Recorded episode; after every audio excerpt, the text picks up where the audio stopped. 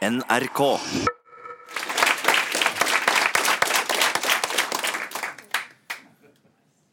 Velkommen til KK Debatt, debatt på Litteraturhuset KK i Stavanger. I dag er temaet aktiv dødshjelp, 'License to Die'. Eh, vi har et eh, lite, men kompetent panel med oss i dag. Eh, vi har med oss Morten Horn, som er overlege i nevrologi på Oslo universitetssykehus, som òg sitter i Rådet for legeetikk til Legeforeningen. Vi har med oss eh, Andreas Wahl Blomkvist, som er lege i spesialisering allmennmedisin, og som er kjent samfunnsdebattant. Velkommen skal dere være. Eh, vi skal starte eh, denne debatten med en innledning fra hver av deltakerne, der de skal redegjøre litt for sitt syn på aktiv dødshjelp, eh, sine begrunnelser, og gjerne litt om de, hvordan de har kommet der til. Så Morten Horn, eh, vær så god. Ja, tusen takk. Og takk for å bli invitert til Kverulant-katedralen. Man blir litt sånn suspekt når man blir invitert som kverulant, men jeg håper at det er eh, i beste mening ordet. Det er veldig hyggelig å være tilbake i Stavanger. Første gang jeg var i Stavanger, var i fant ut det var 1986. Da var jeg med å vinne Siddis Brass. Eh, Førstedivisjonen Siddis Brass. Jeg husker ennå hvordan jeg liksom fløt gjennom gatene i Stavanger på lykkerus etter den seieren. Så jeg vet ikke om det blir like mye jubel i dag, men eh, vi kan jo se, da. Altså, dette med dødshjelp det er jo et veldig alvorlig tema. og Det er et veldig sammensatt og, og komplisert tema som har fryktelig mange sider.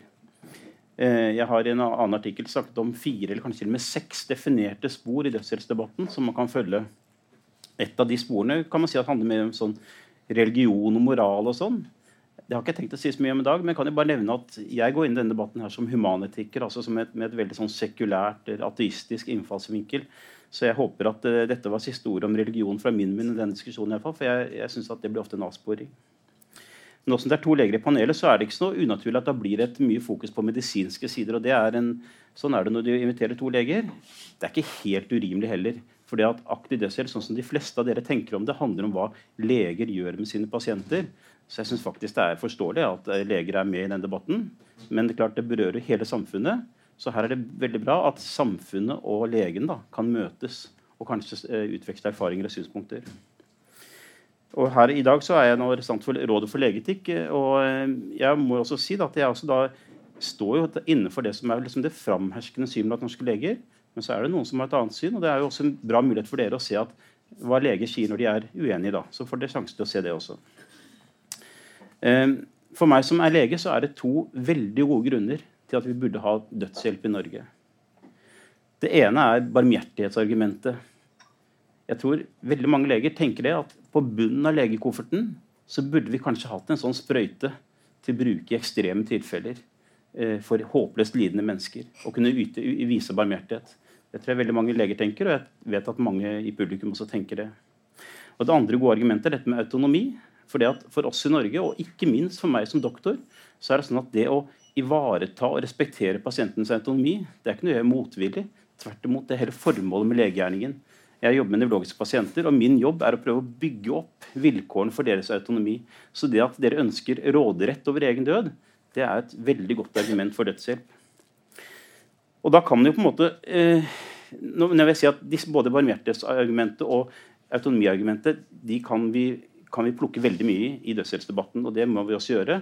Det er ikke så enkelt sånn som jeg har sagt det nå. Det er mye man kan si rundt dette. Men likevel, det er to gode argumenter. Så hvorfor er det da slik at i Norge og i de fleste andre land i verden så er dødshjelp like, likevel forbudt? Det burde vært tillatt. 70% av befolkningen mener det burde vært tillatt. Så hvorfor er det ikke det? Ja, Det er jo fordi at motargumentene mot legalisering, og særlig mot legalisering av dødshjelp, de er så veldig sterke. Uh, og interessant. Altså, jeg har vært eh, aktiv deltaker i dødshjelpsdebatten nå i eh, ti år. Og det som er på en måte det frustrerende for meg da, som dødshjelpsdebattant, som man kan kalle meg, det er det at vi diskuterer om og om igjen, men fokus blir veldig mye på dette med barmhjertighet og autonomi, disse to argumentene for. Men så får vi liksom aldri gått videre med argumentene mot. Og Hvis man ønsker noe endring i dødshjelpssituasjonen i Norge, hvor det er forbudt, så må en eller annen ta fatt på motargumentene og se om de klarer å overkomme dem. Og jeg skal bare nå helt kort si hva, hva, de på en måte handler om. Det aller viktigste motargumentet som bl.a. legeforeninger over hele verden har kommet med i eh, alle år, det handler om dette med avgrensing. Hvor skal grensen gå? Hvordan skal vi klare å legalisere og innføre i samfunnet vårt dødshjelp på en måte hvor det er entydig og klart avgrenset hvem som skal få, hvem som ikke skal få. Det skal være rettferdig. sånn for at mener, Retten til egen død det burde gjelde for oss alle. Og det skal også være sånn at det er forsvarlig og ikke fører til at mennesker, sårbare mennesker blir satt under press. Og dette her er eh, på en måte hovedargumentet, hovedhinderet for å få dødshjelp i Norge, er at det er ingen som har kommet med gode forslag til hvordan det skal gjøres på en god måte. Fra utlandet så har vi rikelig med erfaringer hvordan det ikke kan gjøres, hvordan det ikke funker. Vi kan være uenige i det, men det er mitt klare syn at utlandet viser oss at dette har ikke funket i de land som har prøvd hittil. En annen innvending fra eh, helsepersonell ikke minst, er at vi er bekymret for at det å innføre denne muligheten til å dø, bli tatt av dage, ta livet av seg selv med helsevesenets hjelp, at det skal føre til et press mot sårbare individer. Og jeg må si at Som nevrolog er det spesielt viktig for meg, for at jeg har ansvar for ALS-pasienter, MS-pasienter og Parkinson-pasienter. Disse pasienter som vi vet at føler på at de er en byrde, fordi de faktisk er en byrde for omgivelsene sine. Og vi er redd for at de skal føle at det beste for alle parter er at de bruker den muligheten som samfunnet stiller opp. Det tredje argumentet, som også er viktig for oss, og siden det er leger da, som snakker i dag, så er det et lege, legebasert argument. og det er at Vi er bekymra for lege-pasient-forholdet. Hva vil det egentlig være å si når du kommer til legen, og legen har dette på repertoaret, at han kan møte et ønske om å dø med at han faktisk gjennomfører det? Uh, er, hva, hva slags, hvordan vil det være å være lege og jobbe som lege? Altså, hva, hva, hva, gjør det med legerollen og legens identitet, legens egen helse? Og hvordan, Hvor reell vil egentlig en reservasjonsadgang bli? I Canada så vet vi at Noe av det første som skjedde da de legaliserte dødshjelp i 2016, var at man begynte å underminere legers reservasjonsadgang. fordi at Du kan ikke kombinere pasientens rett til å herske over egen død med legens rett til å sette sin egen grense for, for, for hva man er villig til å være med på. Så Det var på en måte da tre smakebiter på hovedargumentene mot. Og jeg tenker at um, De første argumentene for vi kan gjerne snakke om de, men de er egentlig selvinnlysende også. Det er veldig gode argumenter. Så jeg synes at det er kanskje særlig dette med legaliseringsspørsmålet som er virkelig nøtten i dødshjelpsdebatten, og som vi som samfunn burde bruke mest tid på. For at dette er noe vi må vedta politisk, og da må vi snakke sammen.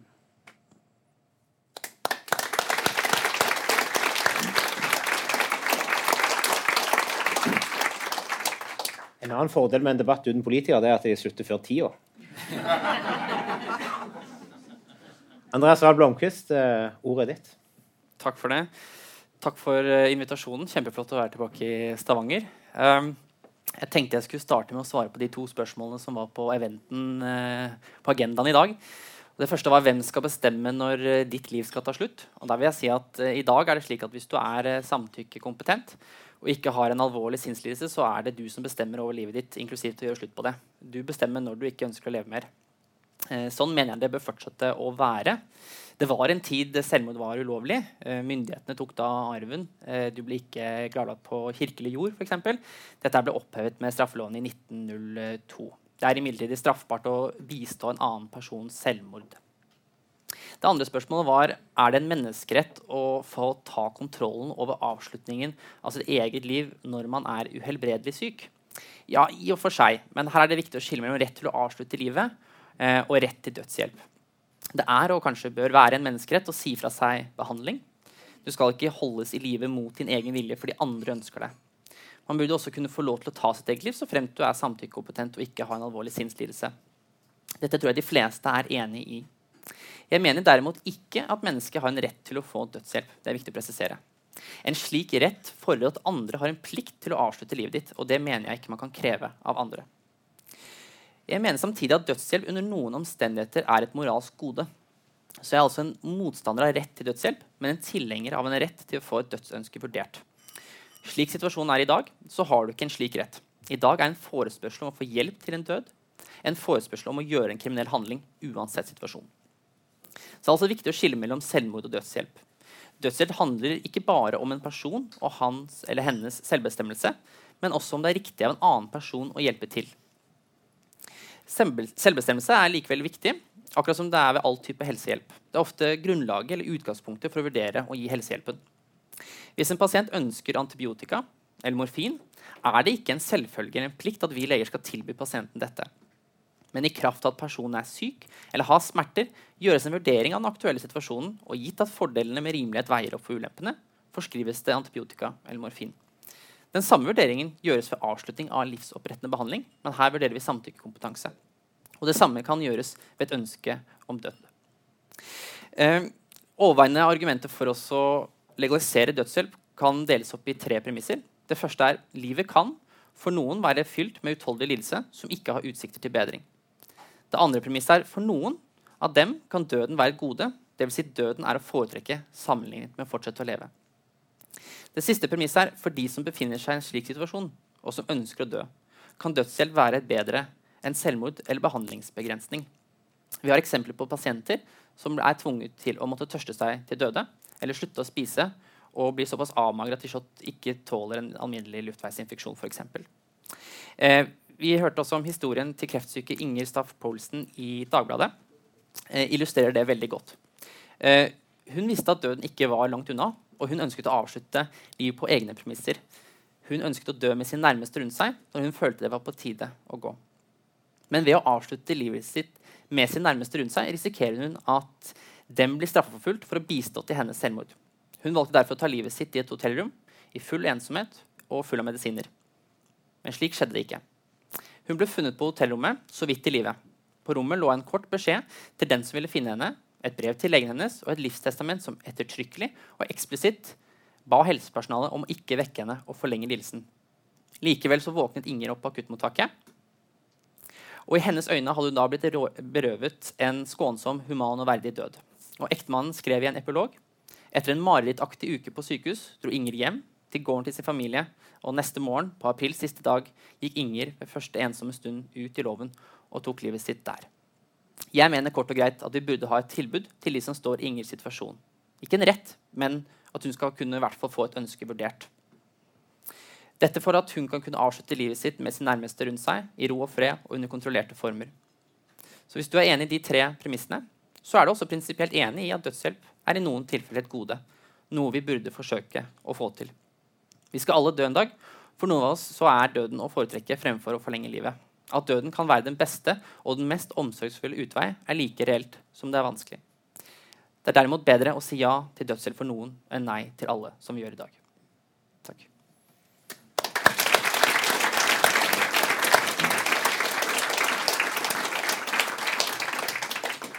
Takk for det. Um, mitt første spørsmål vil være um, Når og hvorfor bestemte du deg for å ta det standpunktet som du har i dag, til aktiv dødshjelp? Morten? Ja, skal vi se. Jeg tror altså Første gang jeg ble klar over det, var i 1998, da vi hadde en uh, diskusjon i Humantisk Forbund uh, hvor Levi Fragell, som nå er en gammel mann, men han var jo Norges fremste dødshjelpsforkjemper i lang periode. og han, uh, han, prøvde å få Humantisk Forbund til å gå inn for aktiv dødshjelp. og Da måtte jeg tenke over kan jeg som humaniker kan jeg på en måte tåle det, en, en, sånn veldig dramatisk beslutning. da, At Humansk Forbund skal gå inn for det. Og da, det var da jeg måtte begynne å tenke over dette her. Og så eh, måtte tenke over det. Og det sammenfalt med at jeg hadde da min første nær dødshjelpsopplevelse, som jeg pleier å kalle det. Hvor jeg som veldig ung lege sto på eh, sykehuset i Bodø og eh, ble, hadde en veldig veldig syk pasient, syk og lidende pasient, som vi ikke klarte å smertelindre. Og jeg følte virkelig at er man virkelig nødt til å på en måte kjøre på med morfin og, og ta livet av henne? For vi klarer ikke på annet vis. Og det var nesten sånn at Jeg på en måte gikk gjennom den, den psykologiske prosessen hvor jeg på en måte var villig til å gjøre det. Inntil da etter hvert da fikk mer informasjon, fordi jeg var ung assistentlege uten noe særlig støtte rundt meg. Og så fikk jeg litt mer informasjon fra kolleger, og sånn, og så skjønte jeg etter hvert at vi kan jo faktisk gi mer morfin, for hun er jo egentlig bare underbehandlet. Og så ga vi mer morfin, og så, ble hun, så roet det seg, og så ble det en veldig verdig og fin død ut av det. Men hadde, det interessante var at jeg hadde på en måte vært gjennom den der håpløsheten og fortvilelsen å se et lidende menneske. Og nesten, vært, nesten var klar til å gjøre dette her. da, Bikket over kanten. Men så var poenget at håpløsheten den var først og fremst inni meg. Og det tror jeg er et ganske viktig poeng. at eh, eh, Håpløs lidelse det handler selvfølgelig mye om håpløsheten hos pasienten, men det handler også mye om resignasjonen og håpløsheten og fortvilelsen hos de som står rundt. Og en manglende forståelse av hvor mye det er faktisk mulig å gjøre. Og eh, det er klart, det er alle, alle, her har sikkert hørt om, og noen kanskje også dessverre sett, dødsleier som har vært dårlige. Grufulle noen få ganger, også grufulle. Men det er altså ikke slik at dårlige og grufulle dødsleier er en nødvendighet. Vi kan ikke lage perfekte, regisserte, flotte, vakre død, dødsleier alltid. Men vi kan lage rimelig verdige og gode dødsleier. Men det krever en ganske stor innsats og, og kunnskap og, og oppofrelser. Så du kan si at denne kombinasjonen av at jeg ble nødt til å tenke på det, og at jeg sto i den nær dødshjelpsopplevelsen, for meg så var det liksom startskrittet til at jeg måtte virkelig gå fra bare automatisk si at nei, dette skal ikke leger drive med, til å tenke på hvorfor skal vi egentlig ikke drive med det. Og Hva er det som har gjort at du har engasjert deg i debatten? Altså Én ting er å ha standpunktet, men Nei, jeg vet ikke. Det var, det var nok litt tilfeldig. for Jeg skrev en, en, artikkel en gang i 2009 da Frp gikk inn for dødshjelp. og Så ble jeg innkalt til TV 2 også, som sånn ekspert. da, og Så skal jeg uttale meg, og så tok det ene tok det andre. Så det var litt tilfeldig. Eh, det er, jo, det er jo litt rart. altså Det er jo massivt flertall mot dødshjelp norske, blant norske leger. Eh, men Eller i det er betydelig ja, det er, i hvert fall sammenlignet for og mot. da Eh, men, eh, men, eh, det er egentlig veldig få leger som er ute og diskuterer dette. Og jeg vet jo hvorfor mange ikke gjør det. og det er fordi at mange syns det er veldig ubehagelig. Fordi vi blir konfrontert med dette. Ja, men skal ikke folk få bestemme over sin egen død? Skal man ikke kunne lindre? Sånn som du snakker om En, en, en håpløst lidende og døende person, skal man ikke kunne gi denne siste, siste gaven? Så det er veldig mange leger syns det er veldig ubehagelig å bli på en måte stå i denne offentlige diskusjonen. Eh, og det er mange som har sagt til meg også at de, de, er glad for at det er noen som står fram, for de, de føler ikke at de klarer det sjøl. Andreas, når, eh, når, bestemte du deg, og hvorfor? Um, prinsipielt ble jeg vel for uh, da jeg bevitnet en sommer når jeg jobbet i uh, hjemmesykepleien i Bergen. Jeg opplevde en pasient som begikk selvmord ved hjelp av å tørste seg til døde.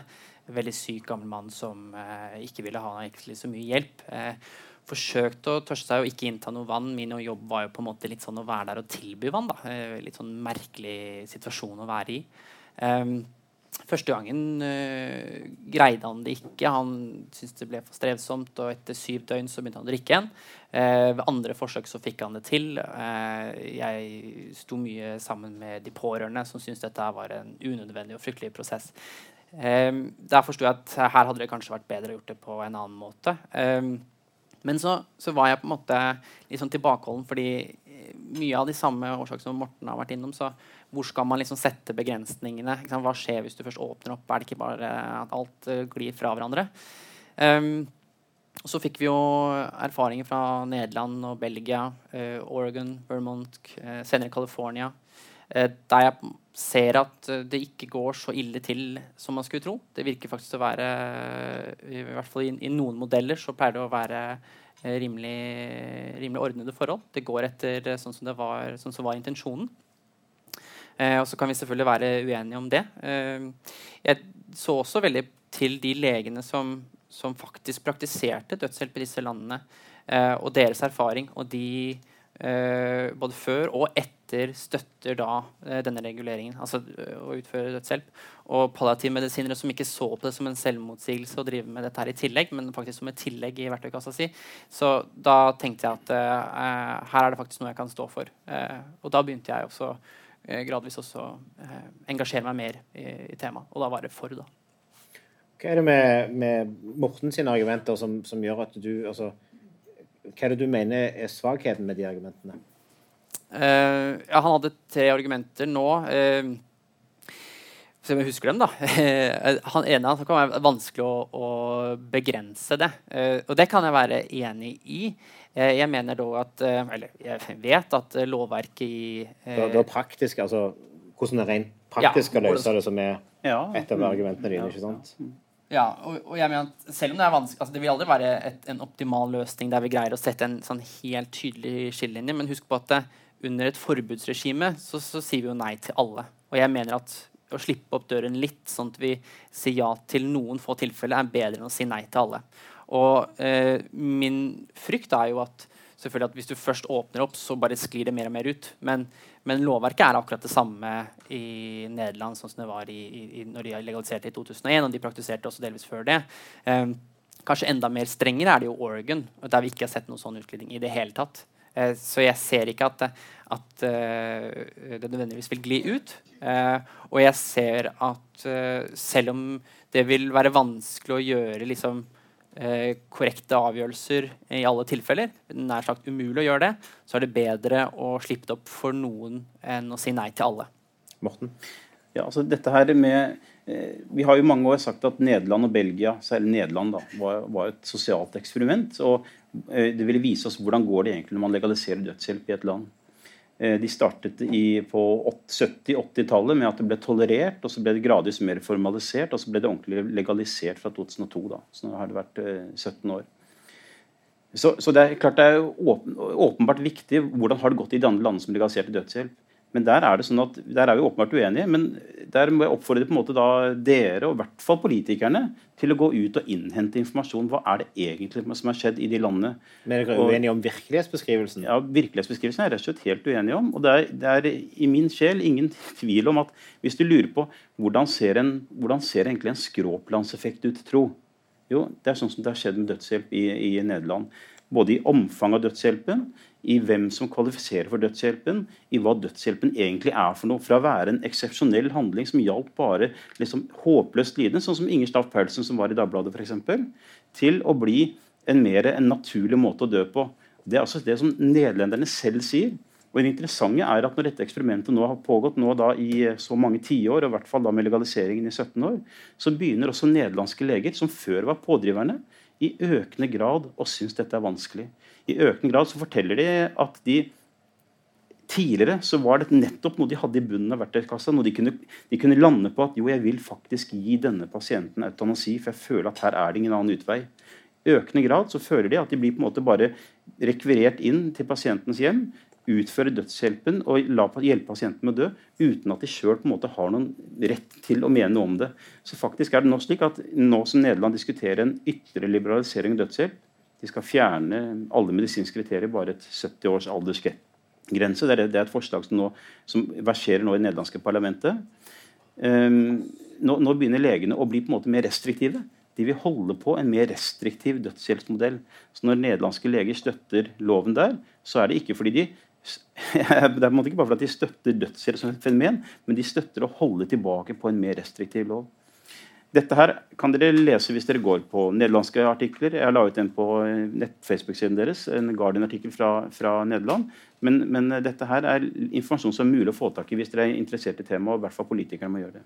Hva tenker du om Nederland? Altså, det virker jo her som det har vært en helt åpenbar utglidning. Ja, Det kommer an på hva du mener med utkledning. da. Hvis du, hvis du I forhold til hva som var intensjonen når det ble vedtatt, så har det blitt utvida både i hvem som kan få, og antall som har benytta seg av det? Nei, altså, hvem som kan få, det er de samme kriteriene som det alltid har vært. Og de som, har få, som får dødshjelp i dag, er også de samme som kunne fått det før. Eh, det som er eh, riktig, eller vi er enige om i virkelighetsbeskrivelsen, er jo det at omfanget har økt. altså Det er flere som får dødshjelp. Han beskriver det som en vanlig måte å dø på i Nederland. Det er 4% det, vil si, det er nesten som å si at det er vanlig å dø av ulykker i Norge. Det er, det, er det nivået der. da. Så vi må være forsiktige med hvilket ord vi bruker her. da. Um, når du sier at det øker i omfang, altså å kalle det utglidning, det kan du gjøre hvis du er eh, mot dødshjelp i utgangspunktet. Ikke sant? Fordi da er, jo, da er, du jo, egentlig uh, uenig allerede fra start. Det er ikke noe skråplan her. Sånn. Du er uenig i at, uh, at dødshjelp utfører Ja. Uh, og det blir enda verre hvis det er større omfang. Da. mitt anliggende er jo om kriteriene følges, og disse dødshjelpskomiteene som går over alle disse sakene, eh, om de mener at praksisen blir overholdt. Og, og det er det eh, helt klart at det gjør. Eh, når det kommer til utglidning, sånn at liksom, lovverket gradvis glir fra hverandre og helt nye pasientgrupper eh, strømmer til, så er det gjort mange undersøkelser på dette. her. Penny Lewis ved Kings College gjorde en i 2007. Fant ikke noe holdepunkter for noen skråplanseffekt. Det var en nederlandsk forskningsgruppe i 2009 som gjorde det samme. Fant ikke noe sånn eh, virkning.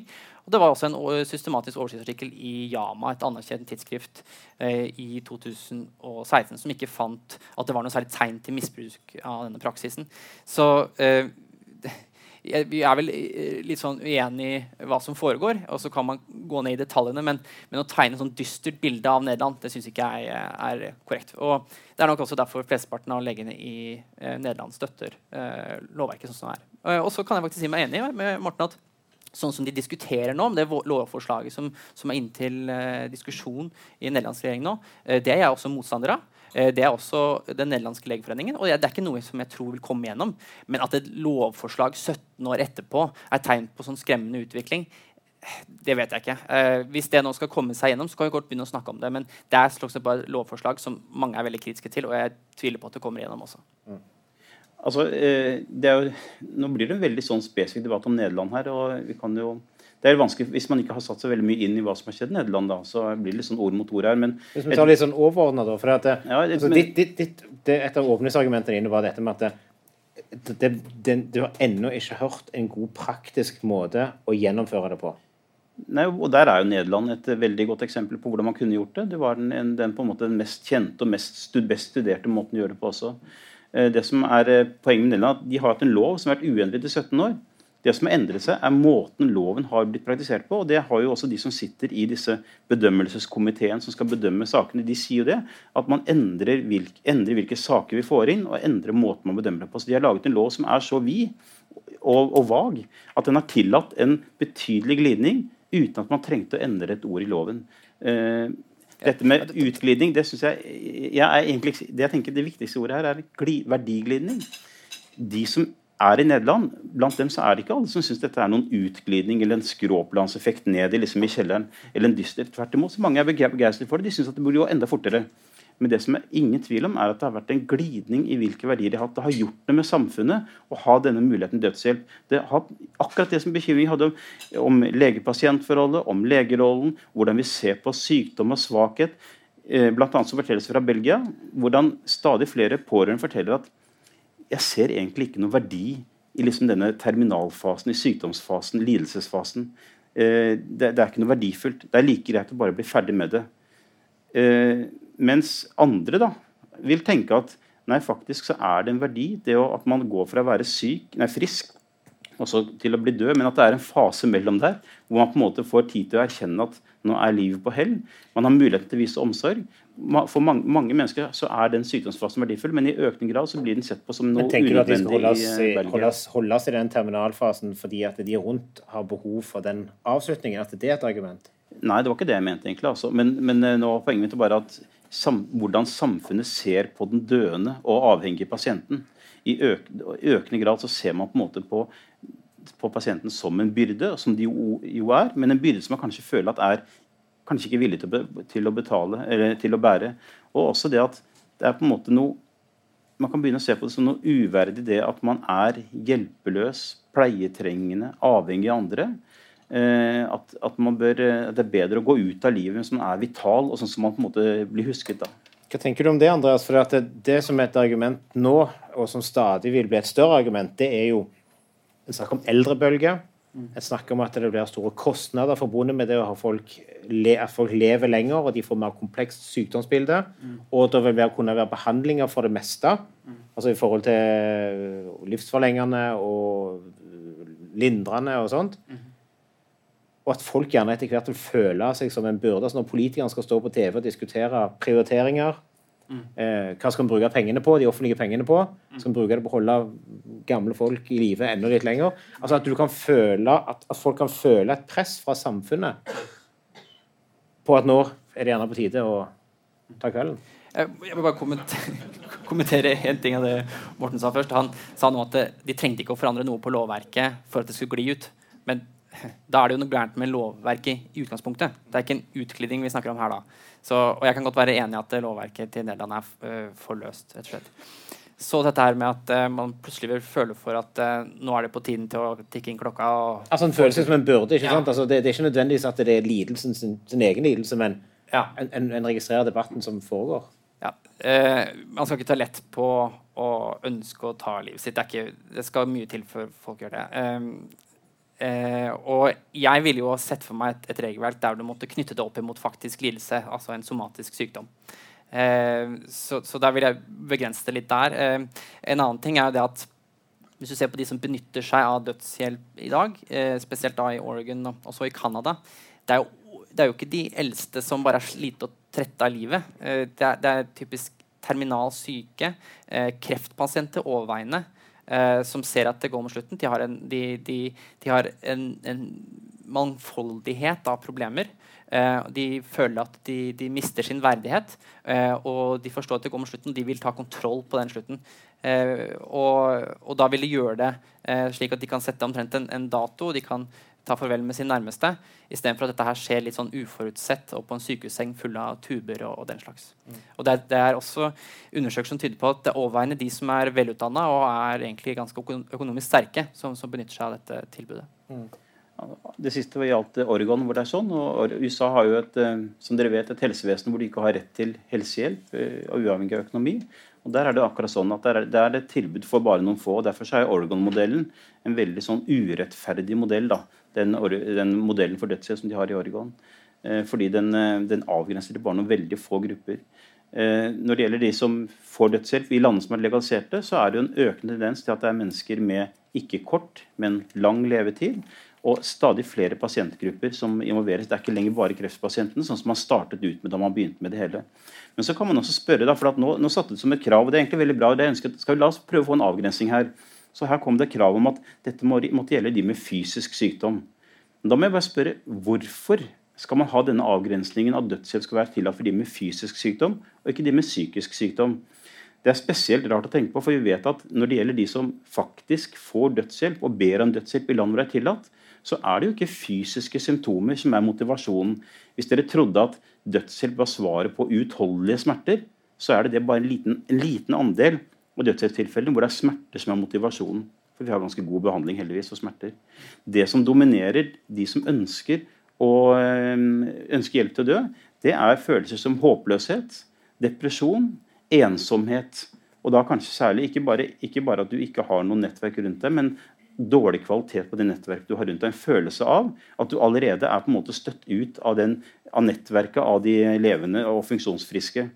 Så det er jo eksistensielle symptomer som preger de som ber om og får dødshjelp i land hvor dette er tillatt. Og da er spørsmålet hvorfor skal de med eksistensiell lidelse og følelse at deres eget liv er håpløst? De har kommet til den vurderingen at mitt liv er ikke lenger verdt å leve for meg. Men hvorfor skal bare de med fysisk sykdom få en sånn dødshjelp? Når da pasienter som mangler den kortet her, som en kreftdiagnose kan være, de tvinges til å gjøre akkurat som Inger Staff Paulsson i Dagbladet gjorde. Må gå ut i låven og ordne på egen hånd. Hva er rettferdigheten i det?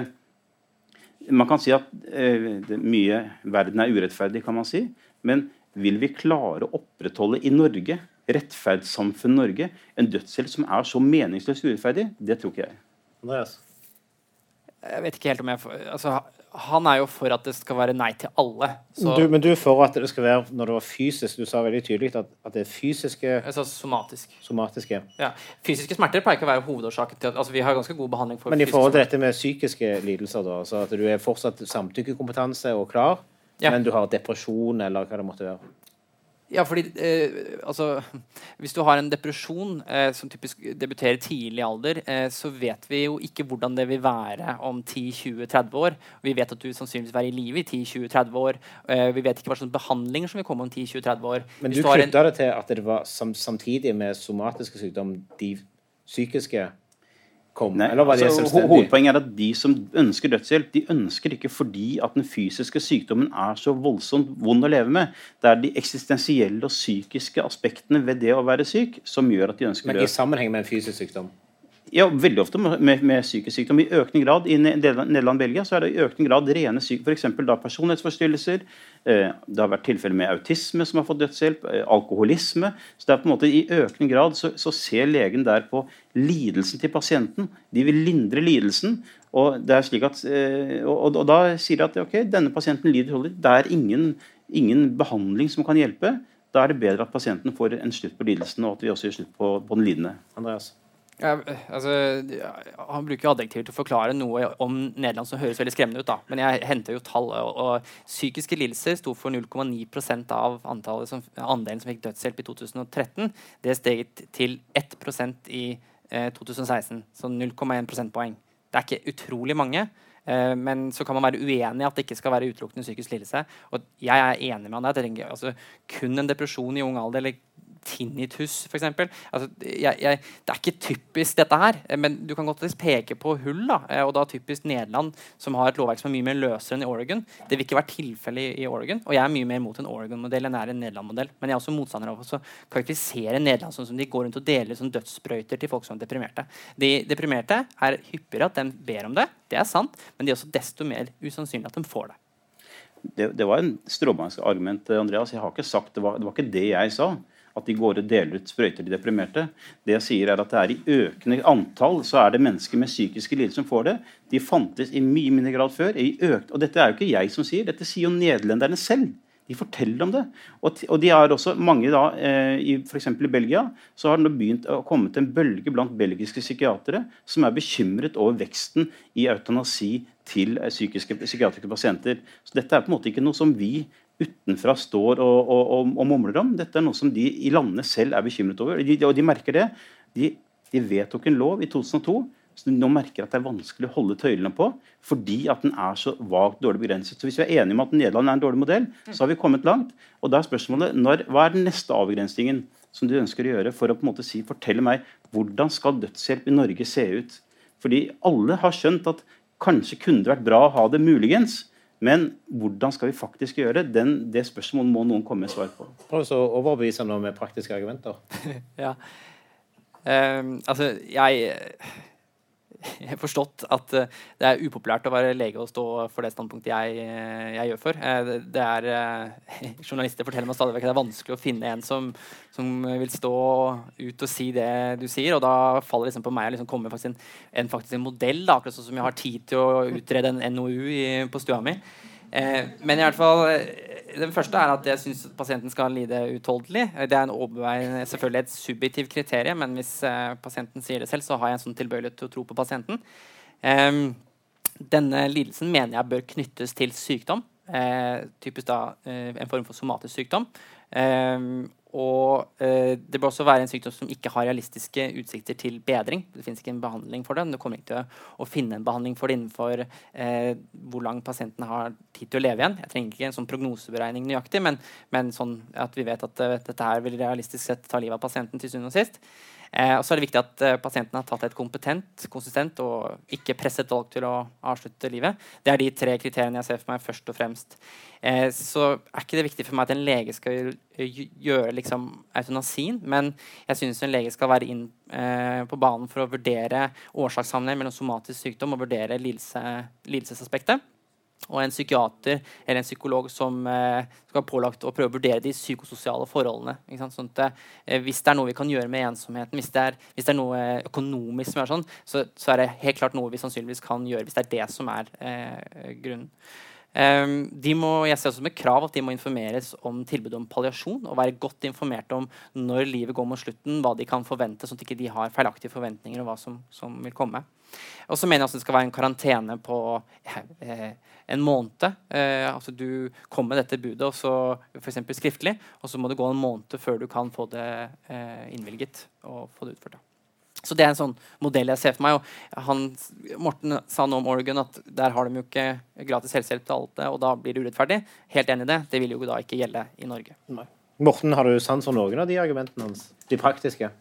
På en måte, ja. For det som du nå skisserer, er jo på en måte her aner vi jo konturen av den ideelle dødshjelpspasienten. ikke sant? Vi hører her, Alle kan se for seg den som alle sammen er enige at ja, kanskje ålreit, kanskje den pasienten burde få dødshjelp. For meg så var det en, en, en øyeåpner når Levi Fragell viste filmen av Bodil Bjerkman, som fikk dødshjelp av Kristiansandsdalen. Vår eneste domfellelse i Norge hvor en lege har gitt dødshjelp. i 2000, det var 1996. Og Levi Fragell viste videoen av Bodil Bjerkman. Og, og på en måte det å begynne å si da at nei, det er aldri riktig med dødshjelp. Det var veldig vanskelig. skjønte at det, det, Så bastant kan man ikke være. Eh, så, så, du har på en måte nå skissert, det, det, er fullt mulig å se for seg den ideelle dødshjelppasienten i den tegningen du laget. Det du ikke har hjulpet meg med foreløpig, er å forklare meg men hvor skal vi sette cutoff. Hvor skal, hvor skal egentlig grensen gå? For jeg har jo jeg har mange pasienter som lider på denne måten som du beskriver, og som er i den situasjonen, men som er grader av det. Og, og Problemet med dødshjelp er at det er ikke bare de mest selv, selvinnlysende pasientene som møter opp og sier 'dette har jeg lyst på'. Det er jo i stor grad pasienten fra gråsonen, de som kanskje burde da skjønt at det er, det er nok ikke deg vi har tenkt på, men de melder seg likevel og sier 'jeg vil ha hjelp til å dø'. Og hva skal vi svare de? Og da må jeg bare si at eh, jeg syns ikke det er noe lett å skulle si til en sånn pasient at Nei, jeg føler meg ikke helt overbevist om at du er en kandidat for dette. For jeg er her for å hjelpe pasienten. Og hvordan skal jeg klare å vite når jeg skal hjelpe, når jeg ikke skal hjelpe, og hva slags måte jeg skal hjelpe på. Og Dette er noe av problemet i, eh, for legen i Nederland. At de føler seg på en måte fanget her. At i økende grad så sier pasienten bare at 'dette skal jeg ha'. og så de ikke, får de ikke lenger lov til å være med og, og, og påvirke det. Men jeg syns at den, den, avgjørelsen å skulle At jeg som doktor, selv om jeg er overlege nevrologi og har masse kompetanse på nevrologiske sykdommer, stått i veldig mange situasjoner, men å skulle på en måte, at jeg skal avgjøre for en pasient om du skal få hjelp til å dø eller ikke, jeg skjønner ikke hvordan jeg skal være stor nok og klok nok til å takle den, det ansvaret. Du skal ikke nødvendigvis avgjøre det. Du skal avgjøre om det er en sammenheng mellom pasientens lidelse og sykdommen. Du skal ikke utføre det. Hvis du kommer over en pasient som da ikke fyller kriteriene som jeg la fram nå, så er det ikke slik at du skal lukke en døra. Du har da noe annet uh, på kontoret ditt enn uh, en dødshjelp. Så da får du så fall si at dessverre, det er ikke aktuelt for deg. du har f.eks. For ikke forsøkt denne typen behandling, og så jobbe for å prøve å overbevise pasienten om at det finnes alternativer til dødshjelp som du er veldig med på å, å hjelpe pasienten å få. Men, men det, det, det, spørsmålet har de jo strevd med da, i Nederland og Belgia, og også i Oregon. da. Kan man tvinge en pasient til å eksponere seg selv for palliativ lindrende behandling før de får dødshjelp? Kan man, kan man si at nei, ok, men du må først gå gjennom tre måneder med palliasjon, og Hvis ikke det har funket da, så får du dødshjelp. Nei, det har du skjønt at Sånn kan man ikke behandle voksne mennesker og tvinge dem til å motta behandling som de er tydelige på at ikke de ønsker. Kan du tvinge en pasient til å gjennomgå psykoterapi for de psykiske problemene i tre måneder for å se om det lar seg, lar seg behandle? Sånn kan man ikke holde på. Og Derfor så er det slik at i de landene som tillater dødshjelp, så er det ingen krav til at du skal ha prøvd sånn eller sånn behandling. Pasienten kan si at nei, jeg vil ikke ha det, jeg vil heller ha dødshjelp. Og da har ikke legen lov til å stille det som kriterium. Eh, I eh, Oregon har de, har de, egentlig krav om at du skal være beslutningskompetent, og det står veldig strengt i reglene. Men det viser at i under 4% av tilfellene så blir pasienten vurdert av psykiater. Og man har gjort studier som viser at mange av de pasientene er jo deprimerte. Det er derfor de ønsker å dø men det blir ikke fanget opp av legen som gir det. Men man kan, men, men man kan ikke tvinge pasienten til å gjennomgå en, eh, en, psykiatrisk behandling eller en palliativ behandling bare for at de skal kvalifisere seg til dødshjelp. Det ville vært urimelig. Det har de skjønt i de landene. Ja, det, det, blir jo en stråmann. Jeg har ikke sagt at du skal tvinge pasienten til noe som helst. Det er for å sørge for at pasienten tar et mest informert valg som mulig. Du skal ikke, du skal ikke tvinge pasienten gjennom palliasjon. Hvis det er slik at pasienten ønsker å dø, du tilbyr alternativene, eh, de har overveid dette, de vil ikke ta det imot, og de ikke oppfyller kriteriene, vel, da er de i den samme situasjonen som du har nå skissert for at Norge, som er forbud for alle, sånn at ingen kommer inn døra i det hele tatt. Hvis du mener det er bedre enn at de som åpenbart bør få dødshjelp, kan få dødshjelp, så, så deg om det. Det syns jeg høres rart ut. Altså Når det gjelder åpenbart, altså, må jeg bare si at eh, er det noen pasienter som helt åpenbart bør få dødshjelp, og som på en måte da vi gjør urett mot hvis ikke vi gir en dødshjelp. Det er et eh, påstand som eh, Ja. Nei, ja, jeg gjorde det. Jeg gjorde det. Og Aksel Brons han, han, han, sier det, hans teori er at det finnes sånn, noen pasienter som burde ha dette her, og som vi gjør urett mot fordi vi ikke gir det. Eh, det jeg vil si, er at disse pasientene de har vi også noe vi kan gjøre for. Eh, som, som, vi kan tilby for helsevesenet. Det er ikke alltid det de pasientene ønsker, eh, og det innser jeg. Men det som vi og da kom vi inn på dette, jeg snakket om dette med hva er egentlig legerollen? Hva er, det, hva er det helsevesenet kan hjelpe folk med? Jo, det vi kan hjelpe folk med, det er det som handler om å gjøre livet lettere, det livet man har, lettere å bære. Gjøre lidelsen lettere å bære. Og det er, ikke, det er ikke sikkert at det er noe som løser alle pasientens problemer, men det handler om å på en måte ha en rolleforståelse og vite hva er, det, hva, er det som, hva er det vi kan gjøre. Og det å takle å både skulle på en måte hjelpe folk med å avslutte liv og dø, og samtidig hjelpe dem med å ønske å leve videre, det tror jeg er veldig vanskelig å få til i en og samme person i en og samme helsevesen. Jeg vil nevne Sandy eh, Buckman, som er president for Legeforeningen i Canada, som nylig legaliserte i 2016 de legaliserte dødshjelp. Uh, og jeg har et sitat som jeg synes er veldig interessant. At Sandy jobber forresten som palliasjonslege, så er jo i den problematikken om terminal syke hele tiden. Og Første gang han ga uh, dødshjelp, uh, etter at han hadde lest gjennom litteraturen, uh, kommer en pasient som passet egentlig ganske ideelt til en som burde fått det. Arrangerte dette her sånn. Han, etter dette her så skrev han at He died the most peaceful death I had ever witnessed, in the arms of his daughter, in his own home, surrounded by people who loved him. og dette her var jo på pasientens premisser. og han hadde ikke sett noe som helst lignende innenfor palliasjon. Eh, du kan godt lage en utopi om at hvis du bare hadde perfekte palliative eh, verktøy, så, så, hadde ingen trengt dødshjelp. Det tror jeg er en litt sånn utopi. Eh, jeg merka at Morten hinta til at det, eh, det, er vel egentlig ikke sånn at eh, noen til syvende og sist trenger egentlig ønsker dødshjelp. Vi kan alltids gjøre noe annet. Det er ingen, vi kan alltid liksom få det til at de ikke ønsker det lenger, det syns jeg virker litt sånn paternalistisk. Jeg tror vi må tro på pasienten noen ganger når de har vært gjennom sin opplevelse. Nei, tvert imot. Altså, det er ikke det jeg sier i hele tatt. Ja, da. Ja, nei, og, og, og når det gjelder paternalisme, vil jeg bare si at jeg hvis, hvis dødshjelp blir tillatt i Norge, sånn som alle snakker om det Jeg har ikke helt skjønt hva du mente skulle være legens rolle her, men, men, men jeg har skjønt at du mener at dødshjelp skal ikke være noe man bare kan få. Du må på en måte, Noen må godkjenne at du skal få det. Er, er det riktig forstått, eller? Eller, eller altså, Skal det være et ja eller nei på slutten av den prosessen du ser for deg? Ja, så, du, så eh, Som lege så må du vurdere lidelsen, og du må eh, vurdere kriterier opp mot at den eh, somatiske sykdommen kan ha en årsakssammenheng til den lidelsen. Eh, og så er det jo en samtykkekompetansevurdering som gjøres av deg. og helst en, Jeg mener at det burde eller må være en psykolog eller en psykiater. Eh, og så er det disse her andre kriteriene jeg også nevnte. Så det er jo en prosess der hvor du som lege har en rolle å spille. Du kan reservere deg for den, men det er Hvem, noe- hvem tar avgjørelsen til slutt? Altså, hvem er det som på en måte innvilger? ja. Det er jo først og, Helt til slutt så er det jo pasienten. Det er jo pasientens kommune. Vi skal ikke gå rundt og tilby dette her sånn. Men hvis her, du sier nei, så er det ikke pasienten. Altså Hvis du som lege sier nei, da er det ikke pasienten som avgjør. ja, men det er dette her som er forskjellen. Altså, pasienten kan alltids, eh, så fremt den er samtykkekompetent og ikke har en alvorlig sinnslidelse, kan ta livet av seg selv, hvis ikke det, og vi kan bare tilby alt annet enn altså, Vi kan vesentlig gjøre det som Morten ALS, sier. for eksempel, altså en ALS-pasient som ikke har noen Ja, fysiske funksjoner, ja. er vel ikke i stand til å ta livet av seg sjøl. Nei, altså, nå må jeg bare si at ALS-pasienter de har en forferdelig situasjon. Jeg jobber i ALS-team på Ullevål, og dette er min hverdag å stå med ALS-pasienter og se hvordan de li lever og etter hvert lider og etter hvert dør. Og, ehm, men de har, jo, eh, de har jo sånn som kreftpasientene, så har jo de en sykdom som etter hvert gjør at de vil eh, dø av sykdommen. Og de kan også dø gjennom at de takker nei til livsforlengende behandling. Så de har jo ganske gode muligheter til å få på en måte en slutt for lidelsen sin. da. Så de har en vei ut som jeg er kanskje mer bekymret for de pasienter som har kroniske smertetilstander, f.eks. Det finnes de, som vi prøver alle mulige slags medikamenter. Hvis det er helsepersonellet, så vet vi hva vi har av medikamenter å by på. Vi har prøvd alt sammen, og vi har prøvd alle mulige slags andre tiltak. Vi klarer ikke å gi dem en, en, en, li- et liv som de føler at, er, at de holder ut til å leve. Nesten mer bekymret for hva vi skal svare til de. De lider på en måte mer enn kreftpasientene, mer enn ALS-pasientene. Men de har en, til forskjell fra kreftpasientene, så skal de leve et helt liv med dette her. Og De ville jo fått nei etter organmodellen, eksempel, og det synes jeg er veldig vanskelig å skjønne. Hvordan, man, hvordan skal man kunne si det til en sånn pasient? Beklager, men du, jeg ser du lider, men du skal lide så lenge at du må nesten bare holde ut. Det, det sier jo du, i og med at du er imot dødshjelp i det hele tatt. Jo, men jeg sier altså ikke på andre siden ja til andre.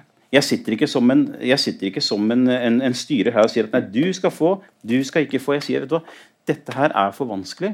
Og I tillegg så må jeg bare si at vi har altså veldig mange andre ting vi kan prøve, men ting som krever en innsats fra meg, innsats fra, pasienten og fra de pårørende, ikke minst. Vi har mange tiltak vi kan gjøre som faktisk kan gi en lindring. Men, du, men, du beskrev jo nettopp noen som ikke Ja. altså, de, de som du snakket om, har jo ingen annen utvei enn å leve med smertene. Når du sier at du har prøvd det, alt. det som er at eh, det som skjer med de pasientene, er jo tross alt da at de etter hvert på en måte at det kommer inntrer noen form for tilpasning og mestring hos menneskene. Og det mener jeg ikke at de skal bare ta og Dette må du bare mestre, er ikke det jeg sier. Men er, og erfaringen vår er jo at veldig mange av de pasientene de gjennomgår en mestringsfase likevel. Hvor de venner seg til en livssituasjon som de ikke trodde de kunne takle. Og vi vet jo det at for eksempel, altså Ønsker om dødshjelp er jo noe som er aller mest uttalt i tiden kort etter både selvmord og ønsket dødshjelp. Tiden kort etter en alvorlig diagnose, kreftdiagnose f.eks., eller etter at det skjer en alvorlig utvikling i sykdommen. Og så vet vi at ønskene om å få dø dabber av etter hvert som på en måte man får dette sjokket litt i bakgrunnen, og man får se litt mer hva som faktisk er mulig å gjøre for å lindre. Kan det være et motargument eh, som gjør inntrykk på deg? Altså at eh, hvis de bare hadde holdt ut litt lenger, så hadde de mestra det? Altså? I min modell så hadde jo ikke de fått dødshjelp, fordi de har, det er ikke sånn at de er De er ikke terminale. Nei. eh, Så, så, i- Så du vil heller ikke gi dødshjelp til de som har uholdbare smerter, og som det ikke er behandling for? Nei, altså, Hvis du har kronisk smerteproblematikk, som er den typiske eller klassiske pasientene, altså sånn fibromyalgipasienter og sånt, der det er vanskelig å finne en sånn objektiv årsak til sykdommen, men de åpenbart har mye lidelse, eh, men de har også veldig lang livstid, og det er ingen grunn til å tro at de kommer til å leve noe særlig kortere. Eh, så jeg vil jo jeg sier meg enig i erfaringen til Morten at de ofte med tid finner en sånn tilpasning, eh, og at når de først får denne problematikken, så kan det være et sånn initialt dødsønske, og så, og så dabler det helt av. Det vil ikke være helt tilfelle for en kreftpasient med spredning til lungene som, som vi vet har liksom seks måneder igjen, og ønsker at ok, eh, jeg ønsker at eh, når tiden er inne, så vil jeg si ifra, eh, og så kan jeg ta farvel eh, sånn som jeg ønsker. Det er, det er, to forskjellige scenarioer. Han vil jo si nei til den pasienten. Altså, jeg vil, ikke, jeg vil si nei. Det vil si, jeg, jeg, jeg, sier ikke nei. Vi som samfunn sier at dette blir for vanskelig, det har for mange negative skadeeffekter. Så dette kan vi ikke ha som et legalisert, organisert tilbud i samfunnet vårt. Det er det vi sier. Jeg sier ikke nei til den enkelte pasient. Jeg opphøyer meg ikke til den som på en måte skal dømme om din lidelse står nok i samsvar med din fysiske sykdom osv. Jeg sier at dette er for vanskelig, og så sier jeg da ikke nei til dem. Jeg sier tvert imot at det der eh, er ikke noe vi har her, men dette kan vi hjelpe deg med. Og jeg synes på en måte Det er det som ofte mangler i dødshjelpsdebatten, er at vi snakker mer om det vi kan gjøre for disse pasientene, men som krever ganske mye fra de som du ikke har invitert i dag, nemlig politikerne, som har brukt altfor lite penger på lindrende behandling. Men eh, akkurat det argumentet som du sier, at nei, du sier ikke nei, det er samfunnet som sier nei. Samtidig så er du en veldig aktiv samfunnsdebattant som kan si, bidrar til at samfunnet fortsatt sier nei. Jo, men hvis du leser hva jeg har skrevet, så altså det, det, jeg har skrevet mest om, er de spørsmålene som jeg nå har stilt til Andreas. Og vi får høre hvordan tenker at vi skal lage et fungerende rammeverk. For at jeg kommer til å få disse spørsmålene. Jeg kommer til å bli bedt om å uttale meg og sitte der som den som eh, kategoriserer folk som de skal få dødshjelp eller ikke. Og da trenger man guidance. Og det er det som de klager over i land som innfører dødshjelp også. Eh, hva slags guidance kan man få? Hva slags eh, styring kan man få fra myndighetene? Har du brukt mye tid på å tenke på det sjøl? Altså komme fram til noen gode retningslinjer? Eller gjør du ikke det siden du er imot? Nei, altså jeg vil egentlig si at jeg, at jeg, har, jeg har, skrevet et, til en artikkel om dette her, hvor jeg, hvor jeg går gjennom mulige kriterier. Og Problemet er bare at de mulige kriteriene de, de bunner på enten så er det for vage, for uklare, sånn som Nederland, eller så er de helt meningsløst urettferdige, sånn som i Oregon. Eller så fører de til en utglidning og en verdiglidning som, og, og, at sårbare mennesker kommer under press. Jeg tror og ikke vi har noen mulighet til å innføre det. Og så er da Problemet mitt er at jeg klarer ikke å være enig i at vi, at vi, har et stort samfunnsproblem fordi vi ikke har dødshjelp. Fordi jeg vet alt vi kan gjøre for de pasientene. og som bare, bare vi hadde skjerpet oss som politikere og som helsevesen og som pårørende, så kunne vi gjort veldig mye for folk. Og jeg syns det er eh, litt sånn synd at vi bruker så mye krefter på å diskutere dødshjelp. Vi burde egentlig diskutert lindrende behandling. Eh, og så kunne vi eventuelt tatt en ny diskusjon hvis vi hadde virkelig fått brukt det vi skulle på, eh, på lindrende tiltak. Da. Aktiv dødshjelp er jo ikke nødvendigvis eh, en diskusjon fordi at det er et samfunnsproblem. Det er jo fordi at det er et problem for den enkelte ofte. ikke sant? Altså, det er ikke at det er store mengder av mennesker i samfunnet som opplever dette som et problem i det daglige, men det er enkeltskjebner. Men, men hvis du lager en lov så kan ikke den gjelde bare for liksom Hans Hansen og Trine Jensen. Nei, men den gjelder for en, en, lov, en lov gjelder for samfunnet. Og det er problemet. at Når du lager en lov, så setter du i gang med veldig mange prosesser, og du får konsekvenser langt utenfor den pasienten du så for deg da du lagde loven. Og Det er akkurat det de sier i Nederland. At dette har fått mange ringvirkninger som vi kanskje egentlig ikke var klar over da vi, da vi lagde loven. og Derfor er det nå flere som har blitt usikre på gjorde vi egentlig riktig da vi startet det hele. Andreas, hvordan tenker du i forhold til denne legeden er jo blitt nevnt uh, i aktiv dødshjelp-debatten. Altså hva, hva legens rolle skal være. Um, enkelte plasser du nevnte i Nederland, så er liksom legens rolle nesten bare redusert til å være et instrument altså for å skrive ut noen medisiner. Du mener at legen skal være med og han gjør en vurdering her og sånt. Men i forhold til det at legens identitet i dag er knytta til det å lindre og hjelpe, altså redde liv. Ja, altså Eh, Legeeden. du kan godt si at eh, du, du, nevnte legeeden. så Legeeden har jo forandra seg over lang tid. og Den, den nåværende legeeden har jo ikke et sånn aktivt standpunkt eh, om dødshjelp. Den hadde det før. Den var mot dødshjelp på Hippokrates tid og enkelte revisjoner av den. Eh, det, da var den også motstander av kirurgi og abort og et par andre ting som vi har heldigvis forlatt. Eh, så, så, den er litt sånn agnostisk på det standpunktet det er nå. Så Verdens eh, legeforening er motstander av det, men enkelte legeforeninger den kanadiske har ikke et klart standpunkt. Nederland er for. Så det, det, er, det er, jo enkelte eh, legeforeninger som har valgt å, å snu. Um, jeg vil jo egentlig igjen referert til uh, de palliativmedisinerne som jobber med dette her sånn, og har en av de, altså, Verken jeg eller Morten har erfaring med dødshjelp i praksis. Men de som da har det, de er ikke noe mer motvillige til å gjøre det enn andre leger. Så det virker ikke til å være en, en sånn konflikt der som, som mange eh, tar sikte imot da, og, og prøver å identifisere. Eh, og det er, ikke, det er, ikke, så viktig for meg at, at, det er en lege som utfører akkurat prosedyren. Men, men jeg syns jo legen vil være eh, involvert, ja. ja. Altså, Én ting er hippokratiske legeeden, men det, noe som er mer aktuelt for oss i dag, er liksom de medisinsk-etiske grunnprinsippene. Og Det er at vi skal gjøre nytte, det som heter velgjørenhet. Og så skal vi ikke skade, og så skal vi vise autonomi, og så skal vi yte rettferdighet. Det er de prinsippene som vi styrer etter i dag, mer enn kanskje gamle eder. Det får bli siste ord i eh, denne debatten. Eh, vi er altså på Litteraturhuset KK i Stavanger. Eh, diskusjonstemaet er aktiv dødshjelp. Vi har hatt med oss Morten Horn og vi har hatt med oss Andreas Wahl Blomkvist. Og vi gir en applaus til deltakerne.